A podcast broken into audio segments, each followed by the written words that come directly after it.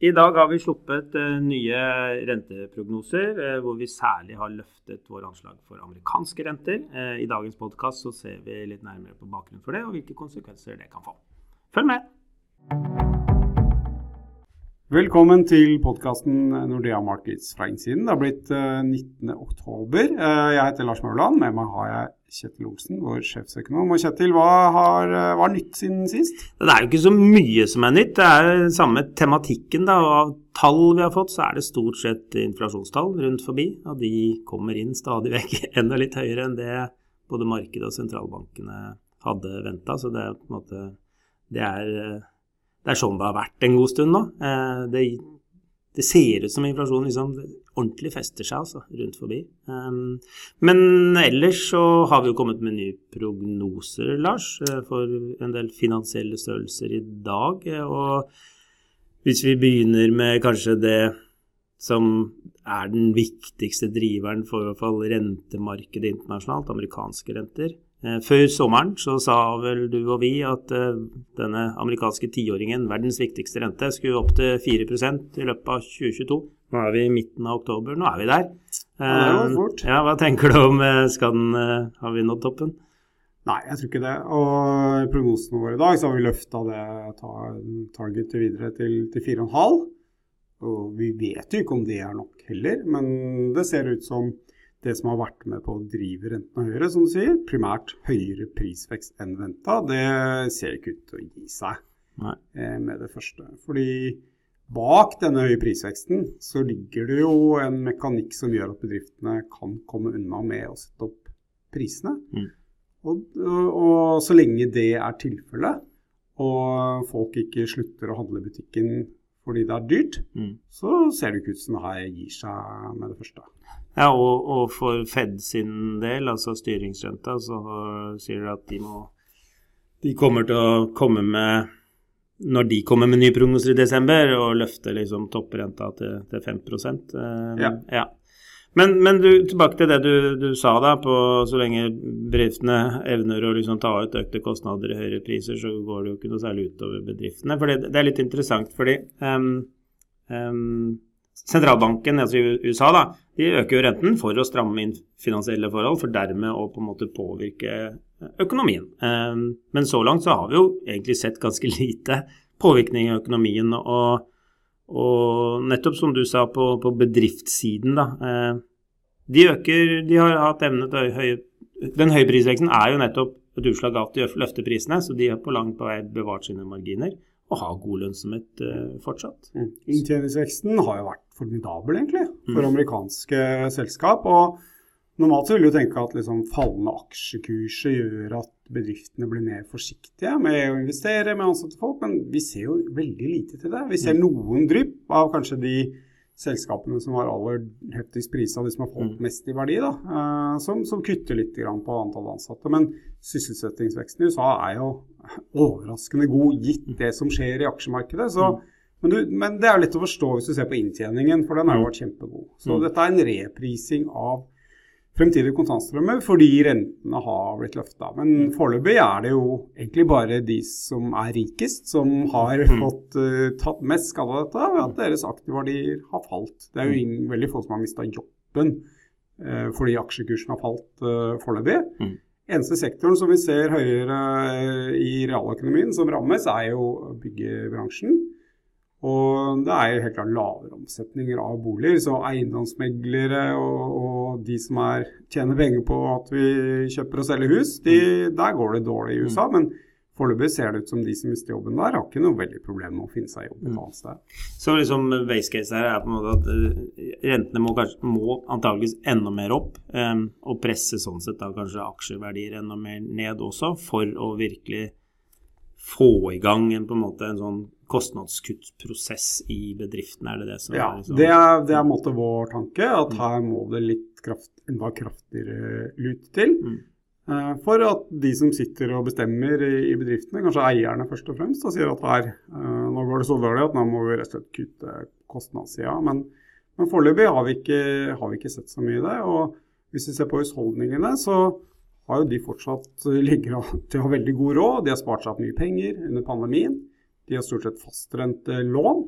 på, på boligen, Har 90% rundt, rundt Mm. fastrentelån. Så at renten blir satt opp da, betyr jo ikke så mye. Og lønnsveksten følger prisveksten, så de har jo ikke på en måte den samme eller sånn cost of living crisis i USA, og det er jo de på en måte med lavest kvalifikasjoner som har fått den høyeste lønnsveksten også. Så du har en litt annen situasjon i USA. Så det er, det er som du sier, det, er, det, det kommer til å ta tid for pengepolitikken å slå igjennom i økonomien. Og eh, det vi da sier, er at antagelig så trengs det enda litt mer puff også for å, for å få det til. Da. Ja. Um, mm. Og det er jo sånn at selvfølgelig tar jo, det tar tid før renteendringer jobber seg gjennom, men vi hadde jo ventet å se større effekt av de renteendringene som renteoppgangen som har blitt levert nå, i, på typisk realøkonomiske indikatorer. Eh, I USA ser vi veldig, egentlig veldig liten effekt. Mm. Og så er det jo litt tilbake til det eh, fenomenet som vi egentlig har ikke prata så spesielt om de siste 10-15-20-30 årene. Altså forskjell mellom realrente og nominell rente. Altså Mange betrakter jo nå 4% som oi, det var en høy rente. Men når pris- og lønnsveksten er typ 6, da, så er jo kanskje ikke renta så veldig høy likevel. Hva tenker du om det, Lars? Nei, det, det er jo en kjensgjerning, det. Eh, lønningene dine vokser dobbelt så fort som før, så, så tåler du jo at eh, alt annet blir litt dyrere og også rentekostnadene øker. Men det er klart, det, det føles jo veldig høyt med fire. Nå har jo vært vant til 2 i en årrekke. Og det slår jo spesielt mye inn på vurdering av aksjer. og det, liksom, Aksjekursen har jo veldig sånn har hatt en, en viktig funksjon ved å være en slags sånn temperaturmåler på økonomien. da. Men denne gangen her så er det helt sånn disconnect egentlig mellom aksjemarkedet og hva som egentlig skjer på bakken i, i, i økonomien. I hvert fall er, Går vi tilbake i historien, all erfaring tilsier at rentenivået må være, for å helt tatt dempe den økonomiske veksten ordentlig, da, så må rentenivået være høyere enn inflasjonen, på en måte den underliggende liksom, mm. greia. Og da, da er det jo ikke sikkert at 4,5 heller er. Høyt nok, eller? Nei, det er langt ifra. og Det er, det er stor usikkerhet rundt dette det anslaget vårt også. og som du sier, Normalt sett så har hevingssykler endt med at styringsrenta har vært høyere enn prisveksten. Nå kan vi jo håpe at prisveksten kommer litt ned, og sånn sett ikke gjør at uh, rente trenger å sette så høyt opp. Men det kan jo også være som vi har erfart til nå. Vi har blitt overrasket gang på gang hvor høyt disse prisveksttallene har kommet. At det tar enda lengre tid, og at rentene må bli sett enda høyere. At de må holdes høye veldig veldig lenge for at de skal Mm.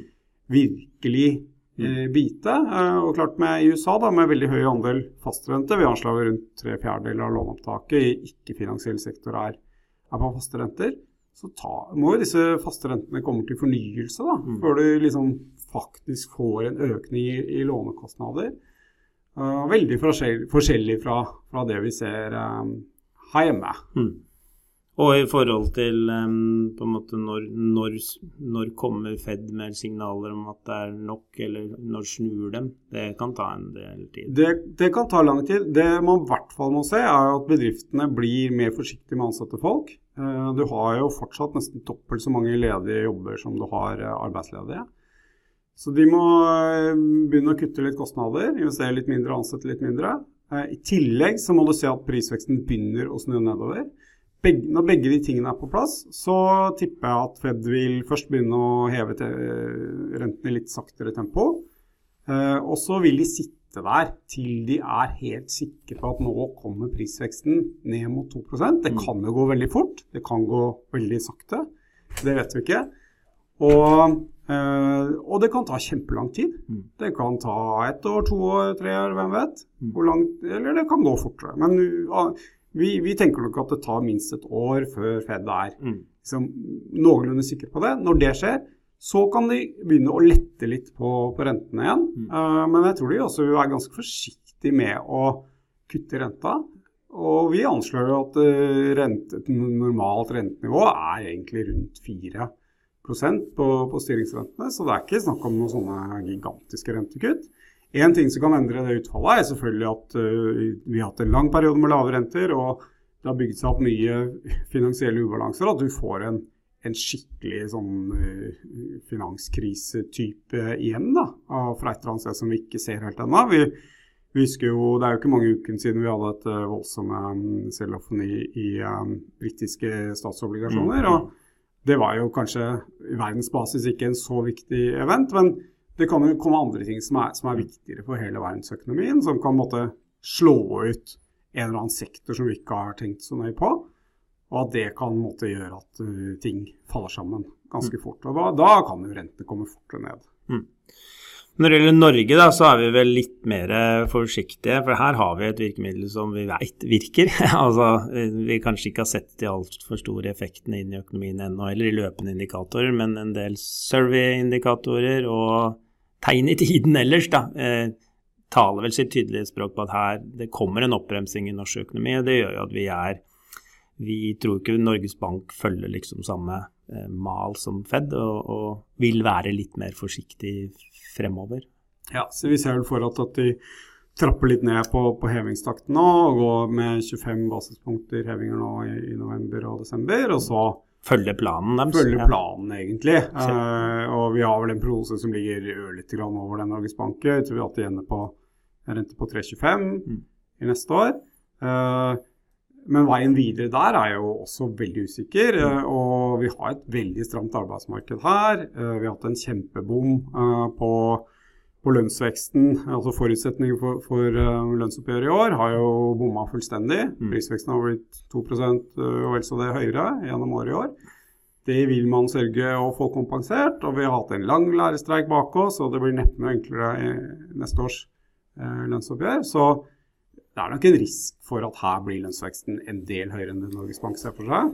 Ja, og det er jo det som ligger til grunn på en måte at vi tror de, de gjennomfører planen sin enn den som eh, minst. da, eh, fordi lønnsoppgjør til våren det kommer til å bli ekstremt krevende. Og det er jo her hjemme også en sånn eh, eh det er veldig mye prat om prisøkninger og inflasjon nå. Um, og det er et klima for å sette opp prisene, og alle setter opp prisene. Vi Så, ser flere eksempler på det. Det er ikke sikkert vi har sett siste overraskelse på oppsiden der heller, altså her hjemme. Så det er, eh, det er som du sier, teamet vil show, men, eh, men, eh, det kan godt hende at man, ja, man ser at økonomien svekkes, men at inflasjonen kan bli sittende litt høyere litt lenger. Ikke minst også fordi lønnsveksten mest trolig kommer til å bli litt høyere enn det mange nå ser for seg. da. Så, og langrenter her hjemme de Pleier å følge ja. amerikanske. Så mm. vi tror at vi vil få en litt bratting av rentekurven. Det har vi så vidt sett litt til i det siste mm. også. Fordi Norges Bank holder litt igjen. Mm. Uh, fordi transmisjonsmekanismen på renter er mye raskere her hjemme. Uh, og så får vi et drag opp på lange renter fra det som skjer internasjonalt. Mm. Det er vel det vi, eh, vi, tror skjer nå i første gang. Så tiårs sopprenter er hjemme, hva er det dere snakker om? Ja. Topp på 4,25 eller noe ja, sånt? Noe, ja, noe sånt rundt da. Mm.